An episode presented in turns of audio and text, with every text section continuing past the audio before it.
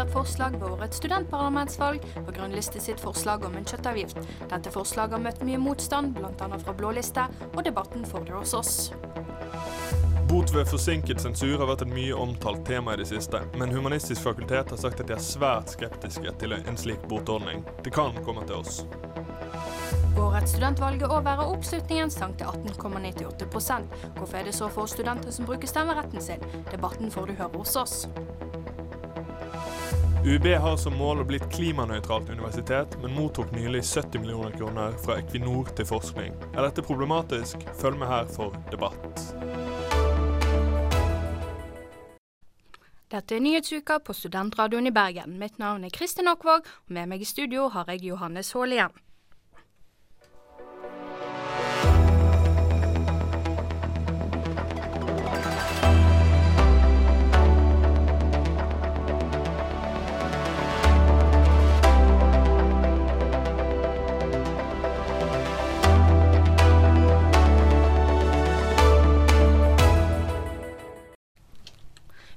Universitetet i Bergen har som mål å bli et klimanøytralt universitet innen 2030. For å nå dette målet hevder Venstrealliansen ved studentparlamentet at vi må kutte all forskning på olje.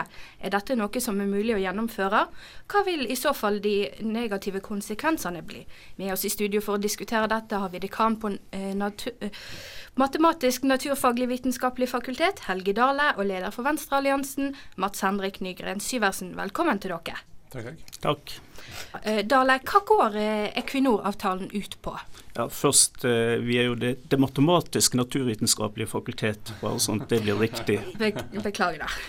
Eh, Akademiavtalen det er jo eh, grunnleggende sett en grunnforskningsavtale. Eh, det er gitt 70 millioner de neste fem åra, og den eh, er da delt inn i en del som går mot eh, energiomstilling, fornybar energi, ca. halvparten. Og den andre halvparten den går mot eh, grunnforskning retta mot de geofaglige miljøer på fakultetet. Så Sånn sett ser ikke jeg det som en oljeavtale, hvis det er det en, en antyder. Så disse pengene er da øremerka på den forskningen som du nevnte eh, nå? Altså Det er de overordna områder som, som eh, eh, avtalen vil dekke. Så vil tildeling av konkrete prosjekt, det, og for så vidt òg inn mot utdanningsprogram, det vil gå gjennom en utlysningsprosess og hvor, hvor en evaluerer søknader. Um, Syversen, mener dere i um, Venstrealliansen at UiB bør kutte all petroleumsforskning? Uh, ja, det mener jeg. Uh, nå er det sånn at uh, det er 2019, og vi mener man bør, begynne å stille klokka litt mot et uh, grønnere 2019. Universitetet må være med på det, og det er derfor vi har gått uh, gikk ut i valgkampen og så fortsatt ved at vi må ha et oljefritt akademia, rett og slett. Dale, hva tenker du om, om det? Ja, jeg, jeg, tenker at en må være litt mer konkret hva en mener med, med oljeforskning. Da. Altså, det er klart det at vi har en stor eh, petroleumsnæring på Vestland. Vi har eh, omtrent en tredjedel av norsk økonomi er basert på petroleum. Det ville jo være underlig om vi ikke hadde aktivitet som eh, hvor vi utdanner kompetanse og, og eh, bidrar til at den viktige næringa er bærekraftig og blir eh, drevet på en, en, kunnskapsbasert måte. Men det er klart her er en svær omstilling i våre fagmiljø i retning av energiomstilling og, og fornybarsamfunnet. Hva tenker du, tenker du om det, Sivertsen? Nei, altså Universitetet har jo et par bærekraftsmål som de kanskje bør, eh, bør begynne å ta litt eh, seriøst. Da, og det er Petroleumsforskning og det at vi skal bidra, at universitetet skal bidra til en sånn næring. Om så med kloke hoder, så tenker jeg at eh, Uh, ja, det er, eh, det er, min og mine barns fremtid, holdt jeg på å si. Uh, ikke, uh, den, den, kan ikke, den, kan ikke, ha mørk, mørk, mørk svart forskning på, på olje. Og jeg, jeg, mener jo det at når du ser Margaret Hagen gå ut og skriver i Krono om at hoder i Bergen, altså bergensstudentene i universitetet, er med på å forme, forme kunnskapsnivået i Norge så mener jeg at hvis vi har en så stor tro på at vi er en så sterk ressurs, så må vi bruke den mer bærekraftig enn å bidra i en uh, oljenæring. Selv om det er en stor del av, uh, av Norges økonomi, så er ikke det universitetets rolle å gå inn i den. Eh, Dale, Akademiavtalen har jo fått kritikk fra flere hold. Ser du på noe av denne kritikken som holdbar, eller er Syversen og Venstrealliansen helt på villspor? Nei, altså, Jeg er jo helt enig med Syversen i at vi må omstille samfunnet. Men det må vi gjøre sammen med de som har muskler til å gjøre det. Eh, hvis en ser på, på, Equinor, så er jo utvilsomt det en, en, eh, et oljeselskap, men de definerer seg i langt større grad nå som et energiselskap. Og Skal vi f.eks. få opp en stor havvindnæring i, i, Norge, så jeg vil tro er, er bra for nasjonen, bra for miljøet, så må vi være med på det, og da må vi ha kontakt med Equinor. Og, og, veldig mye av det, det, som ligger i strategien til UiB, kunnskap som former samfunnet, er jo nettopp at vi skal bli mer relevant. Vi skal ha større grenseflate mot eh, eh, det samfunnet som er rundt oss. Men det må selvfølgelig skje på en bærekraftig måte. Men den svarte oljeforskninga som mm. Syversen beskriver, den kjenner ikke jeg meg igjen i. Ja, nei, jeg, jeg, jeg, er jo enig i det at, eh, at, eh, at forskninga ved UB skal være bærekraftig. Men men Venstrealliansen er prinsippmessig imot avtaler inngått med store selskaper og bedrifter som legger føringer. Og i hvert fall, hvert når hvert fall når det er et såpass omstridt tema som alle studentene mer eller mindre skriker imot. da, At vi må omstille universitetet. Det må bli grønnere, og vi må kutte klimautslippene og slutte å forske på olje. Eh, når jeg tror eh, seks av åtte lister, da, for å gjøre det såpass representabelt, er, er, imot det å ha, ha oljeforskning, så, så, så, må man, man må rett og slett se hvem man jobber for, hvem man representerer, og hvem er det man forsker for. Er det næringskjeden, eller er det å stimulere universitetet? Dale? Ja, vi, vi, forsker jo for samfunnet, og vi, vi utdanner kompetanse for samfunnet. Det er viktig for oss. Eh, så tenker jeg at eh, jeg er helt enig med Syversen i at vi må omstille, og vi må, må, holde på med annen aktivitet. Men det må vi gjøre med de som kan gjøre det. Universitetet kommer ikke til å få til havmøller ute i havet alene, men vi kan bidra til det. Det er det store selskap som kommer til å, å sette i gang med. Så eh, jeg er veldig skeptisk til en, en måte hvor den er, er, kun ideologisk og ikke ser på, mm. på hvordan vi får resultat. Men Kunne dere ikke funnet andre samarbeidspartnere enn eh, Equinor? Vi har mange andre samarbeidspartnere. Men hvordan er det bærekraftig da å støttes av Equinor, som, som du innrømmer her også bidrar til at dere må forske på videre oljeutvikling? Ja, så Det er jo bærekraftig i den forstand at uh, vi får 70 millioner til å drive med grunnleggende forskning innenfor geofager, som er viktig. Uh, vi får, uh, får, midler til å drive med fornybar forskning, som er viktig. Uten de midlene så vil vi stå svakere til å kunne gjøre den omstillinga som skjer på universitetet. Syversen? Du, eller Dere i Venstrealliansen har jo gått til valg på, på, å kutte all petroleumsforskning. Men er ikke det for sent nå når, når Equinor-avtalen allerede er inngått og pengene er utbetalt? Ja, det er jo veldig kjipt å se de 70 millionene allerede gå ut. Men, eh, men, vi kommer jo ikke til å slutte å jobbe, altså legge seg flate for, eh, for at universitetet fortsetter å bruke penger på oljeforskning. Det kommer vi nok aldri til å gjøre. fordi vi mener at nå, nå begynner det å bli såpass såpass viktig at uh, jeg er veldig enig i det alle sier, at man må forske, forske bærekraftig og alt dette her. Men altså, olje, uansett hvordan du ser på det, er jo ikke bærekraftig. Uh, og penga er delt ut, kan du si. Men det betyr ikke at vi ikke skal jobbe for å rikke dem i en mer bærekraftig og ordentlig måte, og jobbe for å si opp Equinor-avtalen, sånn at den ikke blir forlenga. Dale? Ja, for det første er jo ikke penger delt ut. Og for det andre så må en jo eh, bevege seg vekk fra en retorikk om at det her er oljeforskning. Det er jo ikke det. Det går til grunnleggende forskning som bidrar til å omstille institusjonen og i en mer bærekraftig retning. Det er midler som går med til å, å, å støtte opp om energiomstilling. Så jeg, jeg, har, jeg, greier ikke å følge den retorikken. En må bli langt mer presis i, i hva en er imot tenker jeg. Syversen, er ikke du enig i det at forskningen kanskje kan komme klimasaken til gode? ja, ja, ja det, At forskning kan komme klimasaken til gode? Ja, den forskningen som, det, som blir finansiert av Equinor-pengene. Ja, altså jeg liker, jeg liker, det at uh, jeg, jeg, liker det at det ligger penger øremerka, som Dalle sier, til bærekraftig forskning, selvfølgelig. Altså det, det skulle vært et minimum. Uh, poenget er at, som jeg sa i stad, så er Venstrealliansen hovedsakelig imot eh, inngått avtaler som legger så sterke føringer.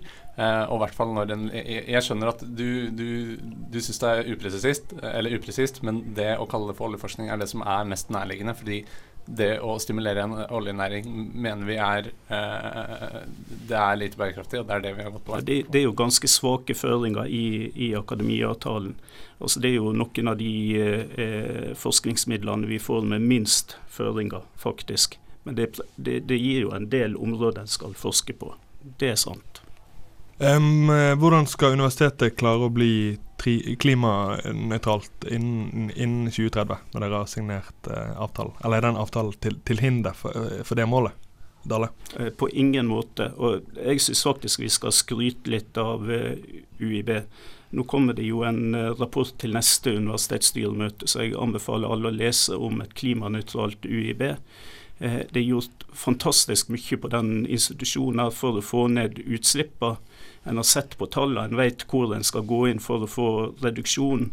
Eh, Times Higher eh, Education Ranking på, på eh, eh, det som heter bærekraftsuniversitet. Der kommer UiB høyt opp som eneste norske universitet. Jeg tror vi har ganske mye å være fornøyd med å skryte av i den sammenhengen. Så du vil, eh, vil, du da tørre å si at eh, UiB er på riktig spor når det kommer til, eh, det kommer til målet om å bli klimanøytralt? Jeg tør. Det er vi. Mm. Altså Det er ikke noe å diskutere. Men det er klart det at alle har vi et ansvar for å bevege oss i riktig retning. Og, og, UiB er på den retningen. Vi kan være stolt av det som skjer. Det blir gjort veldig mange eh, tiltak bl.a. innenfor eiendom som er, er positivt i den retningen. Så jeg anbefaler eh, alle å lese den eh, universitetsstyresaken som kommer. Syversen, er du enig i at det ikke er noe å diskutere at uh, UB på, uh, går riktig vei? Ja, altså, det er fint å klappe seg på skuldra og alt det der. Altså, eh, og man skal absolutt skryte av det som er bra, det er jeg veldig enig i. Men, eh, men eh, Og jeg skjønner at det er vanskelig å følge den retorikken som, som jeg og kanskje flere studenter fører, med oljefritt akademi og sånt. Og det er jo ganske, det er ganske retoriske knep. Men vi er, eh, vi er, litt sinna, da. ikke sant? Vi er litt sånn der, eh, hjelpeløse, og vi prøver å påvirke den institusjonen som står oss nærmest der vi har mulighet til å påvirke, og det er universitetet. Og den vil vi dra i grønnere retning. Altså bærekraftsmål, altså måla innen klimanøytralt. Ah, hei, universitet innen 2030. Det er ikke, det er ikke oppnåelig dersom man Uh, dersom man ikke våger å se større linjer. Altså alt fra de små og ja. ja. For det første, eh, vi er på riktig vei, det må vi jo erkjenne. Og, og for det andre så er jeg eh, OK, jeg kan være uenig i retorikken til Venstrealliansen og andre, men jeg synes det er veldig bra at studenter og, og ungdommer i dag er, engasjerer seg og er opptatt av det som kanskje er den viktigste utfordringa for samfunnet i åra framover. Så OK, vi kan være uenige, vi, men vi må diskutere det. Og så tror jeg det er bra at eh, studenter engasjerer seg. Det, det, setter retning for oss som eh, jobber i andre deler av systemet. Så dere hører på, eh, på studentene når de har noe å si? Vi hører på de, av og til blir vi irritert. Men, men, i, i, ja, men det er riktig at de har betydning for hva vei vi beveger oss i. Derfor er det bra at de engasjerer seg. Men vi må få lov å være uenige. Ja, og vi må få lov til å irritere litt også. Ja, ja. Flotte greier. Men da, da var det vi rakk for denne gang. Tusen takk til dekan Helge Dale og leder for Venstrealliansen Mats Henrik Nygren Syversen. Takk, takk.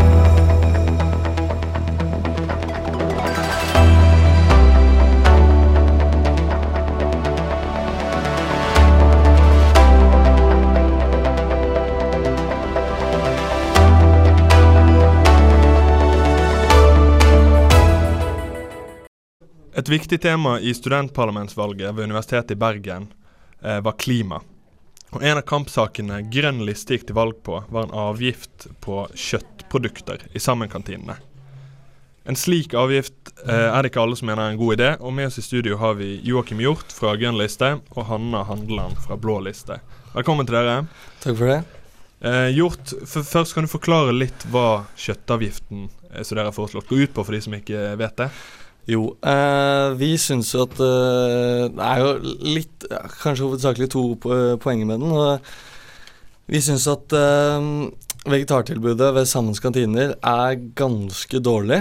Um, så vi ønsker rett og slett en satsing på vegetarmat. Um, og så har vi da altså kommet med et forslag om å finansiere dette ved en kjøttavgift. Uh, med da klima i tankene. Så det er viktig for dere at, uh, å, å, redusere kjøttforbruket? Uh, ja, det er alle, viktig alle for oss og viktig for klonen. Mm. Uh, Handeland, hva tror du om en kjøttavgift? virker det som en god idé? jeg syns ikke at det virker som en god idé. Blå liste er jo veldig for frihet til den enkelte student. Og de får mener med at folk sjøl skal få velge om de vil kjøpe vegetar eller om de vil kjøpe kjøtt. Og jeg tenker at en uh, kjøttavgift vil på en måte tvinge folk til å velge mer uh, vegetarretta mat. Og det er ikke rettferdig når studenter har allerede veldig begrensa med, med, midler. Men trenger ikke studentene kanskje et dytt i, i, i, i, riktig retning? Nei, jeg tenker at folk sjøl må få lov til å ta det valget om de uh, vil være om de vil ete mer vegetarmat eller ikke. Det er opp til folk sjøl å bestemme. På samme måte som man skal velge å ta fly i eh, tre ganger i sommerferien, eller ta fly hjem fra Oslo til Bergen, eller osv. Det er eh, altså tvinge folk. Det gjerne dytte folk i retning av å spise mindre kjøtt. Og det er også veldig helseskadelig, som masse forskning gjort særlig siste året, i 2018, har eh, vist. Så det er ikke snakk om å tvinge Også på det poenget om at, uh, om at det går utover uh, allerede fattige studenter. Nå er det sånn at det er ikke akkurat det billigste alternativet å spise middag ved sammen hver dag. Så hvis man har dårlig råd, så ville jeg kanskje kjøpt mat, og kanskje grønn mat, for det er enda billigere, og laget den hjemme. Men det er jo litt av poenget at Sammen sine kantiner går ikke så veldig bra. Det er den på NHH som går bra, og det er den på høgskolen som går bra. Med kjøttavgift så kan en jo faktisk risikere at de går enda dårligere enn de gjør i dag. Men uh, mener, mener, dere i Blå liste at det er på en måte viktig at studentene spiser vegetarisk, eller er ikke det en, en prioritet? Uh, det er ikke en prioriteringssak for blå, det er ikke en prioriteringssak for blå liste. Er klimasak en prioriteringssak for blå liste? Eh, klima er jo en prioriteringssak, men blå liste vil heller fokusere på at f.eks. Eh, bysykler, det blir flere bysykler mer tilgjengelig, og at sammen eh, fokuserer mer på Too Good To Go-tiltaket. Eh, og litt mer slike tiltak som er mer valgfrihet for eh, studenten, da. Mens ei kjøttavgift vil jo føre til at mange føler seg pressa til å kjøpe vegetartilbud. Gjort, hva tenker du om det? Uh, nei, altså det er, det er, ikke snakk om å presse Eller jo, det er for så vidt snakk om å presse folk, fordi som, som, det gjelder masse klimapolitikk altså, det, er liksom, det er nesten som man glemmer at det er en sånn fundamental feil som vi må rette opp i. Og Grønn liste, nei, Blå liste sa i et innlegg i Studvest i valgkampuken, da de eh, talte for å gå mot eh, Altså, de ville ikke at man skulle gå for skrivemestreik, så skriver de i samme innlegget at de vil heller eh, at man skal gå og plukke plast i gatene, og de skriver at de vil nå opp, oppnå 1,5-gradersmålet. Og så sier de, altså i teksten hvor de argumenterer for å ikke gå i klimamarsjen, så sier de det er viktig at vi eh, eh sier ifra til politikere for å gå i en grønn retning. Og for meg blir dette helt motstridende, og det virker veldig sånn virkelighetsfjernt og naivt at alle skal få lov til å ta sine individuelle valgfrie valg hele tiden. Det, altså Hvis vi skal klare det her, 1,5-gradersmålet eh, er nærmest uoppnåelig. Og hvis vi ikke er villige til å innføre en liten kjøttavgift for å prøve å klare det en gang, så er vi veldig eh, dårlig forberedt på å nå det målet. Hadeland, hva tenker du?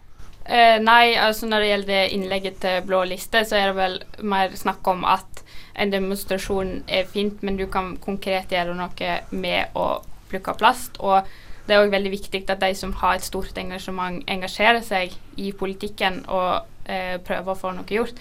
Men òg når du snakker om, om, klima, så har jo UiB som mål at eh, nesten alle studenter skal reise på utveksling. Og hva tenker egentlig Grønn liste da om om utveksling, for det er jo en veldig stor altså da får Så skal ikke vi egentlig begynne å snakke om uh, utveksling helt ennå. Vi kan ta det til slutt. Men uh, et spørsmål til deg, Hjort. Uh, hadde det ikke vært mulig å, å, redusere prisene på vegetarmat uten å øke prisen på, på kjøttprodukter? Uh, jo, men det er, det er, også det poenget at, at vegetartilbudet er ikke så veldig dårlig. Og det er litt Eh, med studentpolitikken så er det veldig sånn at man vil på en måte åpne opp og, gjøre veldig mange gode ting. Alle listene er for det, og liksom utbedre, ha døgnåpne lesere og sånn. Men det er veldig få folk som snakker om den finansieringen. Uh, og der mener jeg vi i Grønn liste tør å på en måte ta det upopulære valget. At ja, vi vil ha bedre vegetarmat. Den skal være bedre, og den skal være billigere. Det må finansieres. Hvorfor ikke finansiere det ved en liten kjøttavgift, når vi vet at kjøttavgift er så dårlig for helsa, så dårlig for dyrevelferden, og ikke minst så dårlig for klimaet. Men faren med det er jo da at de som faktisk vil ha kjøtt, går andre plasser enn sammen sine kantiner. Ja, jeg, jeg skjønner det poenget, men, men altså det er, en, det er en veldig viktig signaleffekt her. Altså, jeg tror nesten nasjonale uh, politikere vil få med seg at uh, det er innført en kjøttavgift uh, ved studentkantinene i Bergen. Det, det, er ikke gjort før, og, og, mange av grunnene til at man ikke gjør det i Norge, er jo også fordi at da vil man importere fra utlandet, og dette vil jo være enda verre. Den problemstillingen har vi ikke ved UiBs kantiner. Eh, dette vil bli en avtale som øremerker eh, kjøttinntektene, altså pengene fra kjøttavgiften, på vegetarmat. Og, og, og signaleffektene er vel så viktig. Eh, gjort I en Studvest-artikkel du har skrevet, så sammenligner du motstanden som du sier du har møtt mot den foreslåtte kjøttavgiften, med motstand som røykeloven møtte på, mm. på 90-tallet og tidlig 2000-tall. Eh, hvorfor tror du at en sånn eh, forslag om kjøttavgift møter så mye motstand? Uh, nei, jeg tror Altså, det er jo, det er jo holdninger uh, det går på. Altså, det, vi må ikke glemme at vi på en måte lever i en sånn et, uh, altså, verden blir en slags er, Det er en slags sånn kumulativ moraleffekt. altså, ikke glem hvordan kvinner hadde det for 30-40 år siden. Ikke glem hvordan svarte mennesker hadde det for 102 år siden med slavearbeid osv. Og, så og ikke glem at for 20 år siden så var det helt uakseptabelt at man ikke fikk røyke eh, inne på en pub. I dag syns vi det er helt vanvittig. Vi mener at kjøttavgiften, eller jeg mener at denne kjøttavgiften, sammen med andre klimatiltak, kommer til å ha noe av den samme effekten når man ser tilbake på hvordan vi holdt på i dag. Vi har aldri hatt så høye CO2-utslipp som vi hadde i 2018. Det her med all vissheten om at klimakrisen kommer, vi kommer til å bli moralsk fordømt av neste generasjon. Handeland, tror du eh, vi kommer til å bli moralsk fordømt av neste generasjon? Eh, nei, det tror jeg ikke. Og når det gjelder røykeloven, så går det faktisk utover andre folks helse. Men om du spiser kjøtt eller ikke, går faktisk kun utover deg sjøl. Og det er et valg folk må få ta sjøl. Det går også utover kloden vår og uh, fattige mennesker i Asia og Afrika som kommer til å merke disse klimaendringene i mye større grad enn det vi kommer til å gjøre. Så nei, det argumentet holder ikke helt mål. Men det ligger på et mye høyere nivå enn studentpolitikken å diskutere akkurat dette spørsmålet her. Ja, det er klart at det gjør det. Men skal ikke studentpolitikken vi, jo, vi har jo muligheten til å nettopp løfte de unge stemmer. Skal ikke studentpolitikken bry seg om disse spørsmålene som klima? Altså, det er vår tids viktigste utfordring. Og det har vært egentlig Grønn listes uh, hovedanliggende i, uh, i, dette valget. Å nettopp få opp disse spørsmålene ordentlig, istedenfor å kun snakke om uh, døgnopphold, neshaller og litt mindre trivielle andre studentsaker, som også er viktige for studentene, men vi må også tørre å ta de store debattene. Da var dessverre alt av vi rakk i dag. Tusen takk for at dere ville komme, Joakim Hjort fra Grønn liste og Hanna Handeland fra Blå liste. Takk for det. Du hører på Nyhetsuka.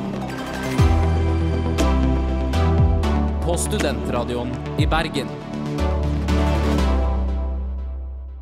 Humanistisk fakultet ved Universitetet i Bergen er svært skeptisk til å innføre bøtelegging eh, ved forsinket sensur. Dette ifølge en artikkel fra På høyden. Fakultetet er nest verst når det kommer til for sen sensur. Eh, dekan Jørgen Seiersted har sagt at ordningen kan minne om New Public Management, og at denne styremåten kan gå utover helheten. Han er med oss i studio i dag for å snakke om dette. Velkommen. Takk, takk. Eh, Seiersted, i artikkelen sier du at Humanistisk fakultet er skeptisk til ordningen med bøtelegging eh, av forsinket sensur, og at dette kan minne om New Public Management. Men hva, hva mener du egentlig med det? Ja, eh, New Public Management eh, det er jo en eh, prinsipiell diskusjon, kan du si, helt uavhengig av akkurat dette eksempelet. Men da handler det jo om at man plukker ut visse ting som går an å telles og måles, og så setter du en penge, en verdi på det, og så skaper du et, en, en, sånn, en kapitalistisk eller en, en, økonomisk logikk rundt det da, internt, som ikke egentlig er en reell økonomisk situasjon, men det er da en skapt økonomisk situasjon som du gjør for å få til en form for effektivisering. og det kan ha uh, gode konsekvenser, kan være effektivt av og til, men uh, det er også noen problemer knytta til det. og Det handler jo bl.a. om at da dette virker ofte for godt. altså Det blir et veldig fokus på akkurat det som du da har blinket ut. Enten det er studiepoeng og publisering i forhold til formidling som er vanskeligere å telle. Der har du et eksempel. Uh, det kan være mange andre eksempler. Men her er det jo at da er det akkurat det med tiden som kommer i fokus, og så må vi bruke masse ressurser på å passe på at det kommer i ti, i, inn i tide. Og så er det det som blir viktigere å levere på enn generelle kvaliteten, som f.eks. kunne sikres med å ha uh, som, som har vært oppe da, ekstern sensor f.eks. Og så tar det kanskje lengre tid, men kanskje bedre kvalitet. Eller at det blir mer hastverk i prosessen som kan gå ut av kvaliteten. Det betyr da plutselig ingenting, så lenge vi er innenfor tidsrammen. Ja, eh, Du har jo også sagt i denne artikkelen at om man isolerer en ting på denne måten og knytter penger til det, så er det fare for at det blir for høyt prioritert, og at det går på, bekostning av andre viktigere oppgaver. Er det, er det, sånn, er det så, sånn, du ser på, eh, på, dette her med bøtelegging av sensur? Ja, nå må jeg jo si selvsagt at uh, det har jo vist seg at uh, vi, vi jo, leverer jo bedre på dette nå etter at trusselen om bøtelegging kom inn. sånn at vi det har allerede hatt en effekt, og det er jo et tankekors. Det viser at det var et forbedringspotensial, og det må vi ta inn over oss. Hvilke tiltak var det dere gjorde for å, for å bli bedre? Ja, jeg tror det mest har handlet om et generelt fokus og, og, innskjerping og purringer i alle ledd, og at det også har med innrapporteringsrutiner å gjøre, så vidt jeg har forstått.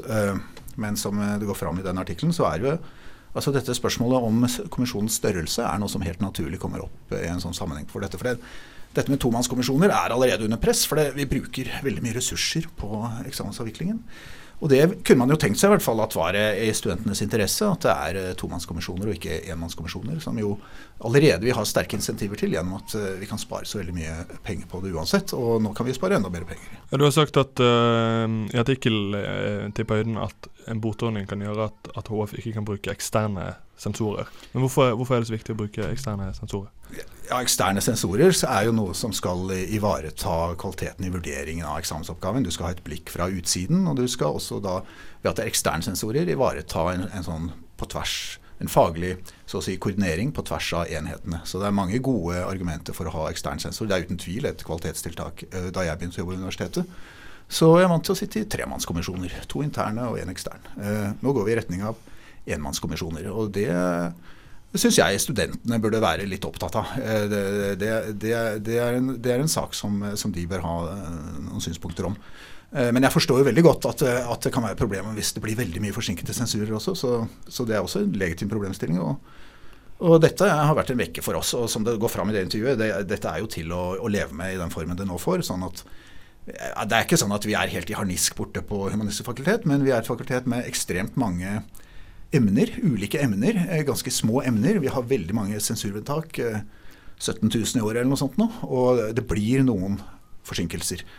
Og så ja, kan vi få eh, kanskje utsatt uh, hvis folk er syke og sånt, men da må vi ha rutiner for å levere legeerklæringer, søke om utsettelse osv. Det, det, alt dette her er veldig arbeidskrevende for den administrative staben. Du nevnte at studentene burde være bekymret over en eventuell sånn en, enmannskommisjon.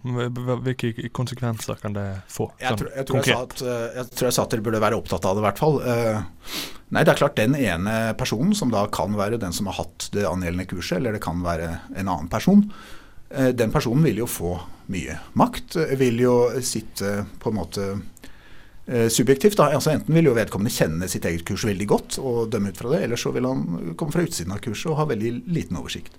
Så kan man jo kompensere med, sånn som mange gjør, da, at de sender inn til eh, kontrollsensur i noen tilfeller og sånn. Så det går an å kompensere og, og kvalitetssikre på ulike måter også ved enmannskommisjon. Men men det er klart at, eh, det, er klart at eh, det, ja, det er en betryggelse i å være to som kan korrigere hverandre og diskutere i en kommisjon. Det tror jeg nok eh, vi kan gå ut fra.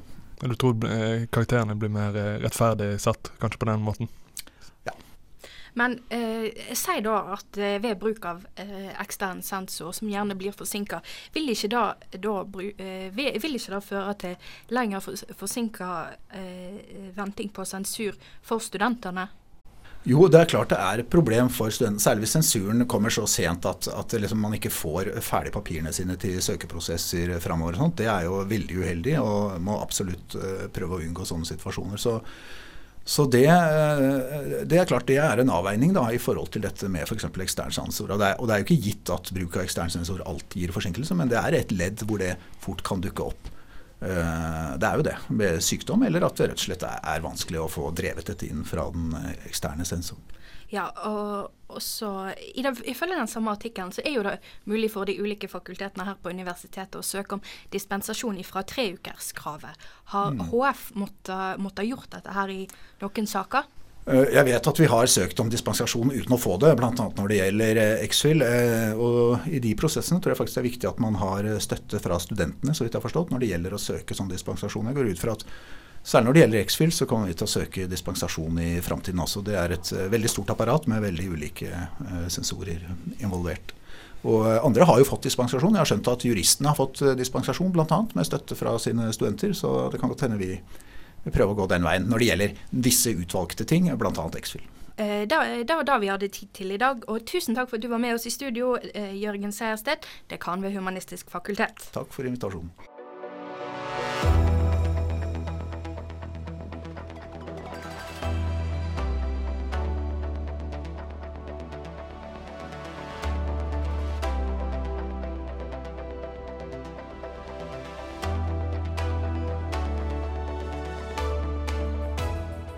Hittil i sendingen har du, har du fått høre debatt mellom dekan ved Matnat og leder for Venstrealliansen om hvorvidt UiB bør kutte oljeforskningen. Du har også fått høre en opphetet debatt mellom eh, Venstrealliansen og Blå liste om kjøttavgiften, eh, og om det er en god idé eller ikke. Om litt så skal du få høre om den lave valgoppslutningen ved studentparlamentsvalget ved Universitetet i Bergen i år. Du hører på Nyhetsuka. Mitt navn er Kristin Aakvåg, og med meg i studio har jeg Johannes Haalien.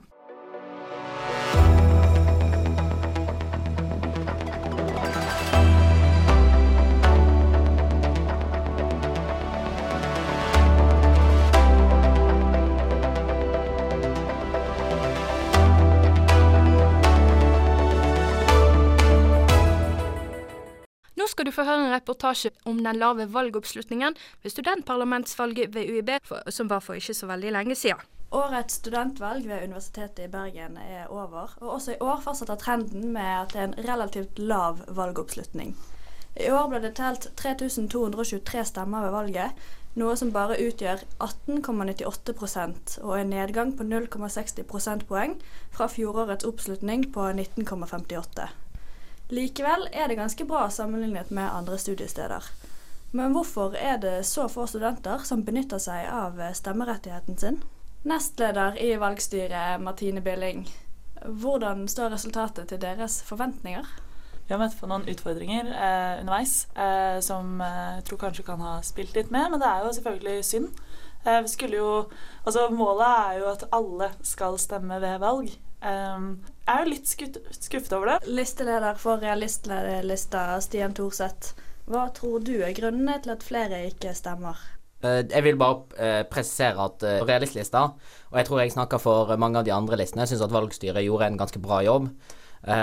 derimot så har vi i, i, valgprogrammet vårt for i år, så la vi ut diverse ting som vi mener Eh, kan være defekter i eh, ikke bare valget, men også studentpolitikken generelt, som kan være grunnlag ikke bare til lav valgoppslutning, men også til lavt studentengasjement til studentpolitikken på et høyere nivå. Da. De tre hovedpunktene våre er jo at studentene eh, ikke får informasjon eh, på en slik måte at den er lett å ta inn. Eh, veldig mange studenter opp, opplever, og jeg vet at jeg er en av de, man blir fort litt sånn mailblind eh, etter hvert. Eh, en annen ting er at mange studenter føler at kommunikasjonen fra studentparlamentet ned mot studentene skjer den ene uken det er valg.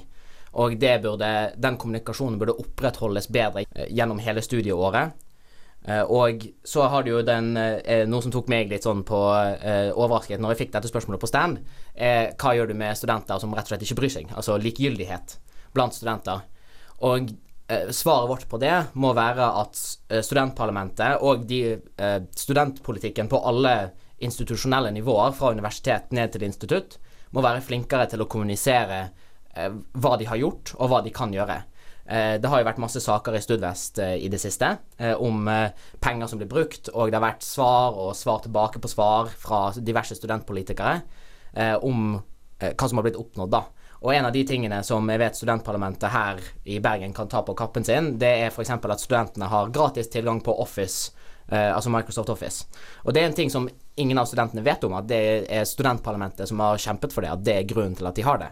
Og hvis studentene hadde fått tilgang på den informasjonen, så hadde man kanskje vært litt mer engasjert. Martine Billing, tror du valget kunne fått en høyere oppslutning dersom dere kom ut med informasjon tidligere? Jeg tror at uh, det er et poeng her med at uh, informasjon om valget og hva studentparlamentet er og hva universitetsstyret er, kan ikke bare foregå i løpet av den ene uken eller de to ukene hvor det er valg. Um, dette er en, et arbeid som må gjøres kontinuerlig hele året. Um, det er mange studenter vi skal nå ut til. Uh, alle er ikke nødvendigvis på campus heller. Eh, så definitivt. Man kan alltid starte tidlig, eller aldri starte tidlig nok, da, kan man helt si. Med oss har vi også nyhetsredaktør i Studvest, Johannes Steen. Mener du at Studvest burde ta mer ansvar for å informere studentene om studentparlamentet? Tja, eh, vi har et ansvar for å i alle fall informere om studentdemokratiene i Bergen. Uh, og det gjør vi jo. Vi, har jo, vi dekka jo valget en uh, ganske god del. Vi kjørte jo de her uh, sakene som dere nevnte i forkant, hvor vi satte fokus på hva som er gjennomført, valgoppslutning og pengebruk i forkant av valget. Og vi presenterte både SPUB-kandidater, universitetsstyrekandidater, hadde valgomat og en magasinserie. pluss at vi dekka valgresultatene. og det er jo allerede ganske betraktelig mer enn vi dekker eh, studentdemokratiene ved de andre skolene i Bergen. Og til syvende og sist så er jo vi en studentavis for hele Bergen, og ikke bare for Universitetet i Bergen. Og sånn sett så er det egentlig litt urimelig om vi skulle fokusere og bruke enda mer ressurser på å dekke faktisk SPUB-valget, når vi allerede dekker det ganske mye tyngre enn de andre. Listeleder Stian Thorseth. Ja, og jeg skal si meg, jeg er helt enig i det som ble sagt her. Eh, det at eh, Og jeg syns personlig at eh, før jeg ble involvert i studentpolitikken på studentparlamentsnivå Altså, jeg var, har vært med på, i fagutvalg og studentutvalg og, og på fakultet- og instituttnivå, men før jeg kom opp til universitetsnivå, så var det sånn Jeg visste at Studvest var en ting, men var ikke noe som man engasjerte seg i.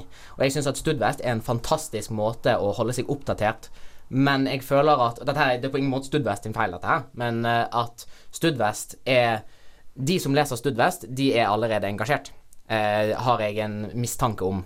Uh, og jeg, jeg, tror ikke det er Studvest sitt ansvar å kunne nå ut Altså, de kan ikke gå rundt og trykke avisene sine inn i fjeset på folk på lesesalen, liksom. Det er listene som gjør, med flyers og vafler. Så jeg tror at man kan ikke legge ansvaret for dårlig valgoppslutning på studentmediene. Johannes Steen. Jeg kan jo legge til eh, noe du sier. Jeg tror det er et veldig godt poeng da, at de, våres, den gruppa som leser Studvest, er ofte dem som også stemmer ved valg. Martine Billing, vil dere gjøre noen endringer til neste år? Ja, vi eh, er faktisk midt i en sånn evalueringsprosess, som det så fint heter. Hvor vi prøver å, å se på hvordan vi kan gjøre det bedre. Det er både i samtale med lister og kandidater, eh, men også internt. Um, så det er, jo, det er, jo, det som har blitt pekt på et par ganger her allerede, det at uh, vi, vi, ser at det er stort behov for informasjon. Altså ikke bare ja, litt tidligere, men kanskje hele, hele året. Og vi har jo undret også ganske mye på dette selv og prøvd å være et sted på, ja, på mail, på sosiale medier, på eh, nett, eh, men også liksom på campus. Eh, nå har det vært litt uheldig at Facebook har endret uh, noen algoritmer uh, rett i forkant av valget. Det har vært veldig vanskelig å nå folk på sosiale medier, som kanskje er en hovedkanal. I tillegg så har vi møtt utfordringer med nettsiden, som også har vært en utfordring. Så dette her er ting man må fikse til neste år. Og, og nettopp det å oppfordre parlamentet og universitetsstyret til å, å, nå ut til studentene i den forstand at de forteller om ja, hva som går bra, hva som ikke går bra, hvordan, hvor, hvorfor de måte hvorfor det har noe å si da, for, for den gjennomsnittlige student, som ikke nødvendigvis er like interessert i politikk på siden. Og dere har jo også lagt til eh, sofaprat i år, som er en ny ting fra i fjor. Mm. Som eh, viser seg å ikke ha ført til høyere oppslutning. Har dere noen tanker om det? Eh, ja, eh, eller vi har, vi har jo prøvd å gjøre alt det vi kan eh, for å få en høyere oppslutning. Eh, jeg, jeg, jeg, vet, jeg syns det er litt trist, men jeg, jeg vet ikke helt, rett og slett. Har du noen gode Stian Thorseth? Ja, altså jeg tror det blir litt feil å si det at eh, de inkluderte sofaprat, og det gjorde at man ikke fikk høyere oppslutning. Men jeg tror at det er viktig at eh, det, Dette er jo beskrivende av en kultur der de som er engasjert, møter opp på ting. Eh, men kanskje man da burde investert mer energi. Ikke nødvendigvis at man skal da fjerne disse debattene og disse sofapratene og slikt, men eh, at man burde investere mer i en strategi for å nå ut til studentene som allerede da ikke er engasjert. da. Martine Billing. Helt enig der. Da er det bare å finne ut eh, hva skal denne strategien være, og hvordan kan man gjøre dette på best måte. Eh, men jeg vil også peke på det her med når systemet ikke fungerer. Som er f.eks. at nettsidene har ikke fungert ordentlig. Eh, ja, I tillegg til de algoritmene på Facebook, så har også Facebook eh, eh, gjort det umulig å linke til eh, nettsiden hvor du kan stemme på Facebook. Og jeg tror faktisk at det også kan ha litt å si. Um, det er ofte et sted hvor mange får vite om at det er mulig å stemme, og så prøver man å klikke seg inn, eller man finner ikke nettsiden, og, og dette klart eh, gjør ting mye vanskeligere. Og da ville man kanskje også kunne favnet da noen av de studentene som ikke nødvendigvis er like investert, men som likevel på ville stemt. Så det, det har vært eh, definitivt noen utfordringer som har vært litt utenfor vår kontroll også. Johannes Steen. Kan jeg uh, spørre om en ting? Uh, kanskje det går til dere begge, men kanskje mest til Stian Thorseth, som er matnattstudent. Uh, nedgangen er vel på ca. 0,60 prosentpoeng Mm. ish. Ja. Uh, vil det, kan det kalles en sånn reell nedgang, eller er det egentlig en sånn litt sånn tilfeldig svingning? Ja, altså eh, Problemstillingen er jo det at man tar eh, Prosentandelen er jo absolutt, for du har jo den fra en fast studentmengde, da. Så det er ikke sånn at eh, eh, man, man kan ikke si eh, Med mindre man ser på lengre data, eh, altså et større datasett Jeg har ikke hatt tilgang til Jeg har ikke sett på det. Så om den svingningen er en tilfeldig nedgang, er jo vanskelig å si. Men du, du har helt rett i det at man skal ikke eh, poengtere ut eh, altså to punkter på en graf og kalle det en trend. Vi kan jo også si det at eh, UiB er bedre enn eh, en del andre universitet og høyskoler. F.eks. ved forrige valg eh, så var valgoppslutningen på Universitetet i Oslo 16,3 Martine Billing, tror du at i Bergen gjør noe rett? Det tyder jo kanskje på det, da. Jeg håper jo det. Vi har jo ligget eh, høyest i landet ganske mange år. Og jeg tror ikke Men jeg, jeg, jeg tror generelt ikke at det mangler på engasjement, verken i Bergen eller Oslo eller andre steder i landet, men kanskje den her aktualiseringen. Da sier jeg eh, tusen takk eh, til eh, dere, listeleder i Realistlista Stian Thorseth, nestleder i valgstyret Martine Billing og nyhetsredaktør i Studvest Johannes Steen. Reporter her var Helene Knag. Du hører på Nyhetsuka. På Studentradioen i Bergen. Var alt vi hadde i denne utgaven av Nyhetsuka på Studentradioen i Bergen. Har du ikke fått med deg våre tidligere sendinger, kan de lastes ned på srib.no, Spotify eller i podkastappen for iPhone og Android. Tusen takk til vår produsent Peter Ryssdal. Ja, ansvarlig for denne sendingen var Ruth Mari Skuldbru. Mitt navn er Kristin Aakvåg, og med meg i studio har jeg hatt Johannes Haalien. Har en riktig god helg. Du har nettopp hørt en sending av Nyhetsuka. Podkast finner du på iTunes eller srib.no.